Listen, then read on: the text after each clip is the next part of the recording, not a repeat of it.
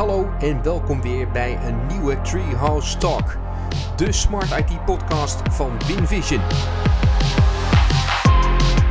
Mijn naam is Tom de Haan en samen met mijn compaan Mike van Zandwijk maken we iedere aflevering kennis met een nieuwe ontwikkeling of technologie en vooral welke impact dit heeft op onze manier van werken of leven. Soms voeren we het gesprek met een partner, soms met een klant of met een eigen specialist uit ons bedrijf. Mike, vertel. Waar gaan we het vandaag eigenlijk over hebben? Vandaag gaan we het hebben over digital twins.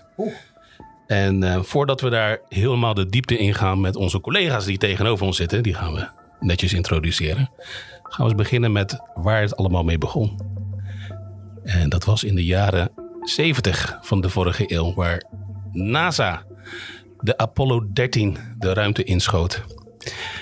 Frank die ziet niet meer naar me kijken. Die denkt, die schiet gewoon in de lach. Maakt niet uit. Het is voor voor je tijd. Sterker nog, het is ook voor mijn uh, geboortejaar. Maar dat was wel de allereerste digital twin. Wat uh, NASA namelijk deed, is uh, nou ja, natuurlijk een dure raket de ruimte insturen. En terwijl ze een machine hadden op de grond om te gaan kijken van uh, real-time data die werd verstuurd. Nou is de vraag wat is real-time, want ik weet niet hoe lang de vertraging is vanuit de maan naar de aarde. Maar daar werd in ieder geval semi-real-time data teruggestuurd.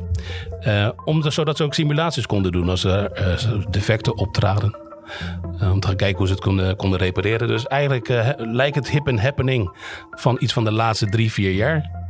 Maar de digital twin technologie is dus ja, 50 jaar oud. 1970, de Apollo 13. Maar de gasten die, die wij hier hebben, die zijn na die tijd geboren inderdaad. Ik zou het niet zeggen als je aankijkt, maar het is echt... zullen, we ze, zullen wij ze kort introduceren en dat zij zichzelf uh, daarna nog wat uh, leuks gaan vertellen? Dat lijkt me helemaal prima. Frank, stel jezelf eens voor, jongen. Ik, ik hoorde net dat jij dat ging doen, maar oh. ik, uh, nu ga ik het zelf doen. Ik ben Frank van Houten. Ik werk al 4,5 jaar bij WinVision. En ik ben lead developer op het Bsense project. Nou, kennen alle luisteraars natuurlijk van de allereerste podcast. En ja, ik ben daar al uh, eh, 2,5 jaar ben ik daarmee bezig. En in het begin, uh, samen met mijn collega die hiernaast zit, uh, met Johan, zijn we gestart. En dat maakt veel gebruik van de techniek Digital Twins. Dan gebouwd op Azure. Hm. Maar daar gaan we straks vast nog wel meer over hebben. Daar gaan we het sowieso veel over hebben. Maar voordat we naar jouw buurman gaan, ben ik wel even benieuwd. Want welke app heb jij op je telefoon die niemand anders heeft? Ja, um, ik heb niet heel veel apps eigenlijk op mijn telefoon. Ik gebruik hem een beetje om het nieuws te lezen. Ik check Reddit en daar houdt het eigenlijk mee op. Uh, een van de apps die ik daar, die net iets unieker is dan wat ik bij andere mensen zie, is uh, eentje die ik uh, eigenlijk ook heb gestolen van Johan. Renotify. Renotify. Renotify. Het is een soort, um, ja, je hebt, je hebt vaak to-do-lijstjes. Um, iedereen gebruikt die wel. Maar dit is een soort to-do-lijstje dat notificaties op je telefoon zet, die je ook dan persistent niet weg kan halen. Dan word je oh. de hele dag doorgeremind van dat je ook echt nog iets moet doen. Dus je hoeft dus je to-do-lijst eigenlijk niet te openen, want hij is altijd in your face. Oeh. Nou, de mensen die luisteren, Renotify. Ik ga hem installeren. Ik uh, wou net zeggen, ja, die kunnen we allemaal wel gebruiken. Goeie. Hey, en uh, als we dan nog toch uh, over jou hebben, jouw persoonlijke jou. Vertel eens iets over jezelf. Wat wij, maar vooral de luisteraars nog niet van jou weten. Ah, jij, jij kent me natuurlijk sowieso door en door. Ik, ken jou, ik, ik, jou... ik denk dat ik weinig geheimen voor jou heb. Ja. Maar ik denk dat dit wel een van mijn grootste geheimen is ook voor jou. En ergens schaam ik me er ook een beetje voor. Maar ik, uh, ik verzamel Pringlesbussen. ik, heb, uh, ik heb bijna 200 Pringlesbussen thuis staan. Zo. Van over de hele wereld. Alle verschillende smaken. Misschien kan het zo ranzig niet bedenken of ze hebben er een Pringles smaak van gemaakt. Echt waar? Ja. Wel chips? Uh, ja, altijd chips. Altijd chips. Altijd Pringles Wat is nou chips. de meest ranzige smaak dan? De meest ranzige smaak is of uh, guacamole, want daar hou ik gewoon zelf niet van. uh, ze hebben ooit wasabi Pringles Oeh, hebben ze ooit gehad. Pringles. Maar de allerranzigste is toch wel zeewier Pringles oh, uit Indonesië. Dus dat is iets wat we van jou weten, wat eigenlijk niemand anders nog weet. Nou, leuk, leuk, leuk feitje. Leuk feitje. Ik wist het nog niet. Ik zei, nee, ja. Nou, als je op vakantie gaat en je hebt, uh, je hebt wat Pringlesbussen, stop ze in je koffer en uh, Juist. geef ze aan mij. Leuk, zal ik onthouden. Nou, laten we dan even de overstap maken naar jouw buurman. Ja, die mocht ik heel kort introduceren. Wat ik überhaupt grappig vind van... Uh, het, is, het is überhaupt de eerste aflevering die wij met collega's doen. Hè? Dus dat is ook wel noemenswaardig. Als je het hebt over Digital Twins, de allereerste nou ja, noem het de marketingfoto die we ooit hebben gemaakt van Digital Twins. Dat, dat, die is ook gemaakt met deze twee heren. Er zijn ook een hoop collega's die ze gewoon door elkaar houden. Hè? Dus consistent Frank Johan noemen en vice versa. Ze lijken, ook, ze lijken ook gewoon springend op elkaar. Ongeveer hetzelfde bouwjaar. maar tegenover mij zit dus Johan. Johan Hoek. Die, uh, nou ja, die mag zichzelf uh, verder introduceren en die gaat geheid dezelfde vragen krijgen. Dus neem het mee in je intro en dan ga ik ze keurig aan je stellen. Yes, nou, mijn naam is Johan Hoek. Ik werk inmiddels bijna acht jaar bij Minvision. Uh, ooit begonnen op een beheerafdeling in de CRM en SharePoint hoek. En uiteindelijk de overstap gemaakt naar IoT maatwerkoplossingen. En uh, nou, zoals Frank net al aangaf, uh, hebben we samen Bisense opgezet. En momenteel ben ik lead developer bij Fijn, waar we het Smart Office concept neer aan het zetten zijn. Nou, om alvast op de vragen vooruit te lopen. De app die ik op mijn telefoon heb staan is Schiphol baangebruik. En dat heeft ook wel een beetje te maken met de dingen die jullie niet van mij weten. Uh, is dat ik af en toe wel eens naar Schiphol rij ja. en vliegtuig ga spotten. Oh, serieus? Ja. Dat is gaaf. ik ben ja. hele verbaasd. Nee.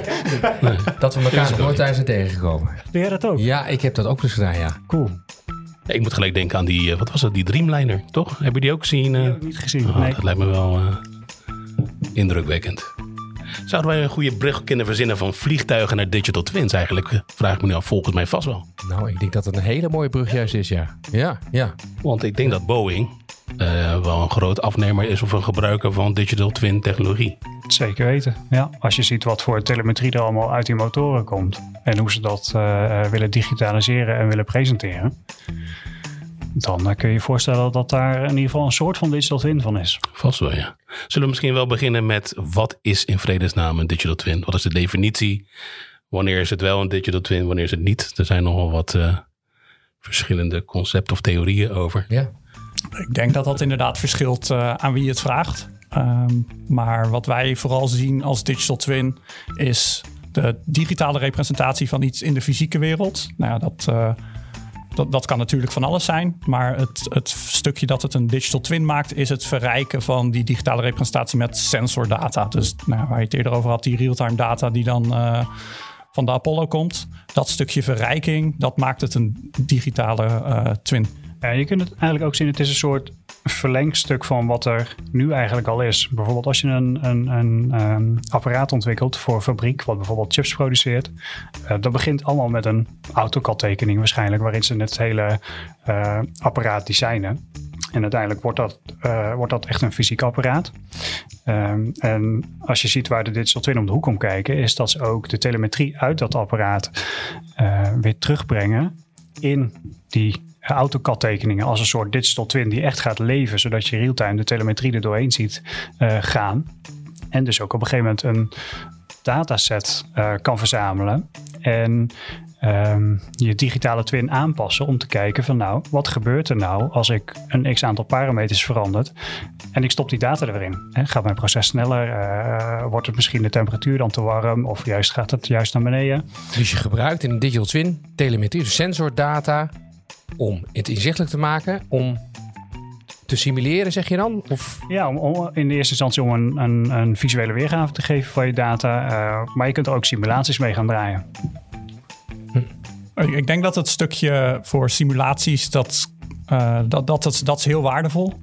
Je hoeft dat niet altijd te doen met sensordata. Je kan ook... Um, je kan het ook met gewoon gegenereerde data gaan doen. Maar als jij weet dat die data echt uit, uit de echte wereld komt, via sensoren heb je echt die data gemeten, dan weet je ook dat het representatieve data is die je in het dagelijks leven kan verwachten. Mm -hmm, mm -hmm. En dan kan je altijd nog simulaties gaan doen met extreme waarden, maar misschien komen die extreme waarden helemaal nooit voor. En dat krijg je wel terug van die sensoren. Ja, maar dan zeggen we dus, sensor data is altijd gekoppeld aan de digital twin kun je tonen in een digital twin. Ja, je, je, je sensordata stroomt je digitale model in. Um, en daardoor kan bijvoorbeeld een business analyst um, uh, een analyse uitvoeren. Kijk, op het moment dat jij een, een sensorberichtje binnenkrijgt, um, motion is true, dat zegt niet zo heel veel. Je wilt juist weten, oké, okay, maar vergaderkamer 3 is nu bezet, want die sensor die geeft een berichtje binnen. En vervolgens, omdat jij een, een uh, visuele representatie hebt van je gebouw, weet de business analyst ook op welke verdieping vergaderkamer 3 zit en in welk gebouw vergaderkamer 3 zit. Ja. Want dat is ook wel een leuk een, perceptievraagstuk. Is wat, wat ik veel tegenkom, is dat mensen, hè, wat Mike net al zegt, van dat de perceptie van wat een digital twin is, bij heel veel mensen verschillend. De ene die zegt van ja, voor mij is een digital twin een virtuele representatie van mijn object. Of dat al een gebouw is of een motor. Hè, dus hè, iets wat je virtuele wereld ziet. Maar als ik jullie zo hoor, moet dat virtuele object, dat wat je kunt zien, nog wel gevoed worden met iets waardoor het een digital twin wordt. Of is dat niet zo? Ja, dat, dat maakt voor mij, en ik denk ook vanuit ons, uh, ja, van, van het project dat we hebben gedaan, dat is echt het stukje dat een digital twin maakt. Het verrijken met die sensordata. En wat je net zei, het stukje dat je het ziet, dat is eigenlijk niet eens nodig, mijn inziens. Het hoeft niet per se dat je het uh, visueel hoeft te maken. Zonder visuele representatie kan het nog steeds een digitale replica zijn. Namelijk, het ligt er maar aan hoe je die data eruit uh, verkrijgt. Mm -hmm. Dat kan in tekstvorm zijn. Dus het hoeft niet per se te zijn, als we het voorbeeld gebruikten van, uh, nou, van het vliegtuig. Het hoeft niet zo te zijn dat ik meteen een modelvliegtuig op mijn computerscherm heb. waar ik precies die sensordata zie stromen. Dat is natuurlijk wel het mooiste en het duidelijkste. En nou ja, mensen zijn visueel ingesteld. Maar voor een digital twin is dat niet noodzakelijk. Maar het is vaak wel een hele verrijkende stap eigenlijk uh, qua informatievoorziening. Ja. Zo'n interessante stelling. Een digitale, een digital twin hoeft dus niet per se visueel weergegeven te zijn. Nee, dat denk ik niet. Kijk naar, uh, als, je, als je heel snel tekst kan lezen, je, nou ja, denk aan uh, Neo in de Matrix. ja, als je snapt wat er gebeurt, heb je niet per se die uh, visuele representatie nodig. Maar het kan nog steeds een digitale replica zijn. Maar waarom is dan de perceptie van een digital twin toch vaak een virtueel model, een 3D-model van een object, van een fysiek object? Ik, ik, denk omdat dat het makkelijkst tot de verbeelding spreekt. En vaak is het ook de, de volgende logische stap in het proces. Want je hebt iets gemodelleerd en je wil iets doen met die sensordata. En vervolgens is het, ja, hoe, hoe werk ik daar het makkelijkst mee? En hoe krijg ik dat ook bij andere mensen duidelijkst erover? Van, wat gebeurt er nou precies? Nou, dan mm-hmm. wil je dat visueel maken. Mm-hmm. Mm-hmm. Kun je digital twins, kun je een digital twin van een persoon maken? Of is het altijd van een object? Een gebouw of een motor of een auto? Of... Alles wat je ziet in, in de werkelijke wereld kun je een digitale kopie van maken. Ja, zeker ja. weten. Nou ja, laten we eens kijken naar een van onze branches. We, zitten, we doen veel in de, in de zorg. Zou je kunnen stellen, want ik hoor Johan al zeggen, een digitale kopie. Is een digitale kopie hetzelfde als een digital twin? Weet ik niet. Maar stel dus dat je een patiënt of een cliënt of een persoon dus uh, aanhaakt met sensoren. Volgens mij heb je die dingen al in een ziekenhuis. Als je je zuurstofgehalte, je hartslagmetingen, je, nou, er ja. zijn heel veel ja.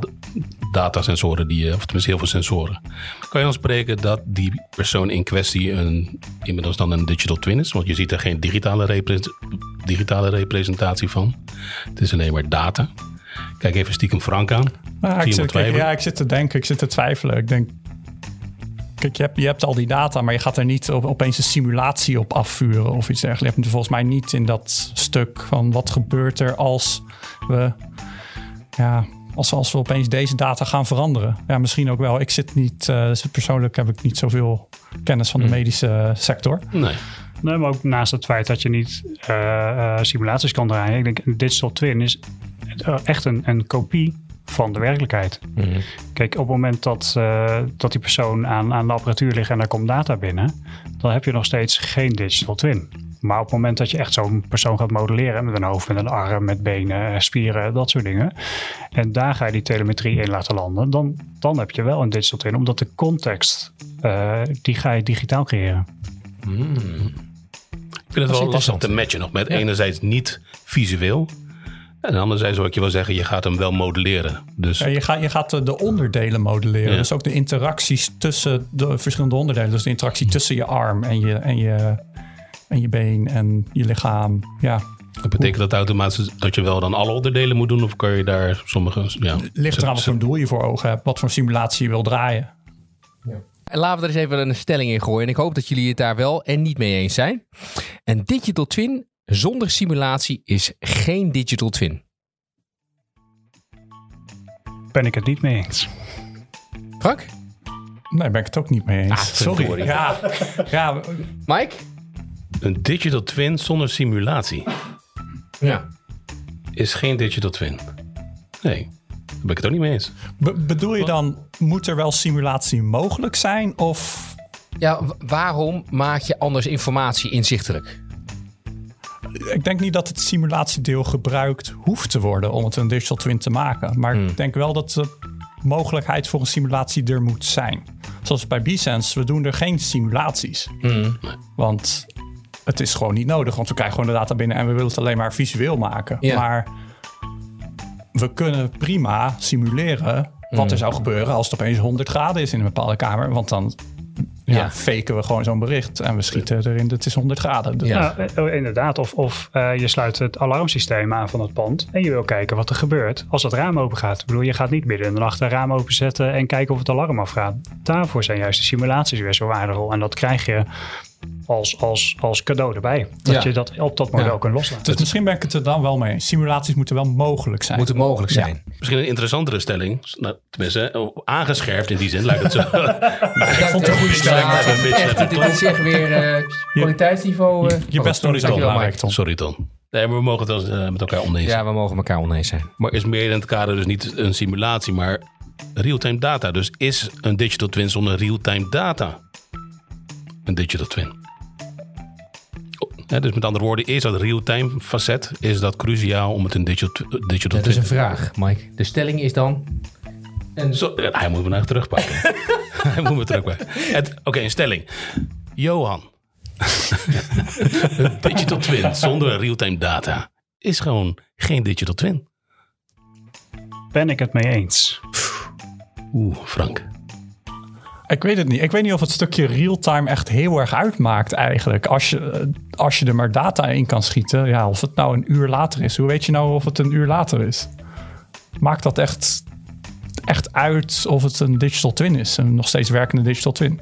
Ja, ja, eh, Misschien, mag ik er dan op met twee cent mag toevoegen, hangt het ook weer af welk doel wil je nastreven. Dat denk ik ook. Kijk, als jij real-time wil reageren inderdaad op een inbreker... dan is het misschien niet een hele functionele digital twin... als je dat bericht een 24 uur later. later binnenkrijgt.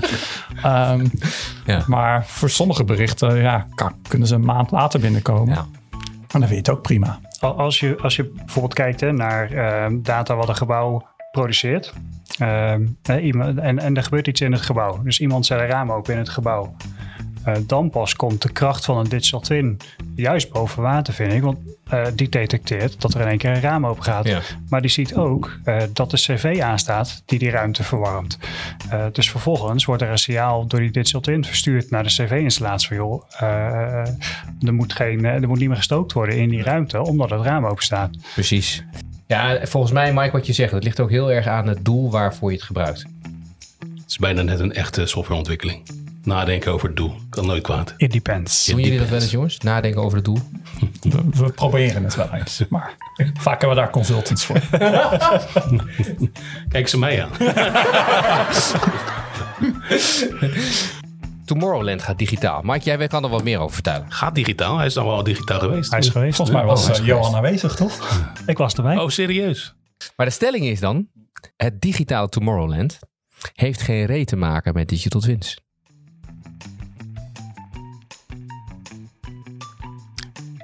Jullie zouden de gezichten van onze gasten in- moeten zien. Ja, je zou ze moeten zien In inderdaad. gedachten.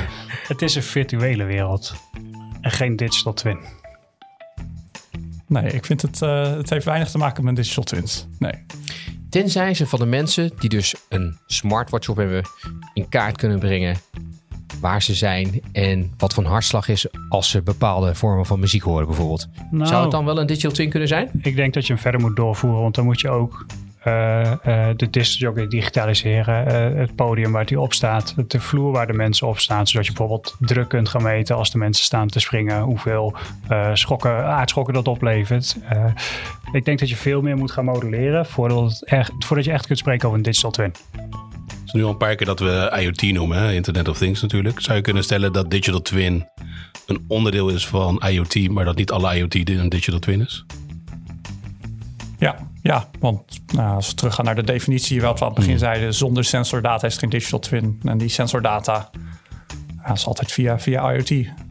Maar misschien een gek voorbeeld. Hè? Ik bedoel, een hotel, hotelketen die heeft een, eh, zo'n koelkastje op het hotel. Daar zitten blikjes in en daar, zit, daar zitten sensoren in. Voor het automatisch afrekenen. hè. Je haalt het eruit en het komt automatisch op je rekening. Dus wordt niet gemodelleerd. Maar is dat een vorm van IoT? De reden van mijn vraag is, ik, ik denk, ik probeer eerst een klein stapje. hè, Zo'n zo stom achterlijk eh, koelkastje. Ik kan me voorstellen dat een hotel op een gegeven moment ook een digital twi- twin wil van zijn hele hotel over zijn. Nou, hoe zit het met de beschikbaarheid van mijn kamers? Dat hebben ze natuurlijk al, maar misschien toch wat visueler.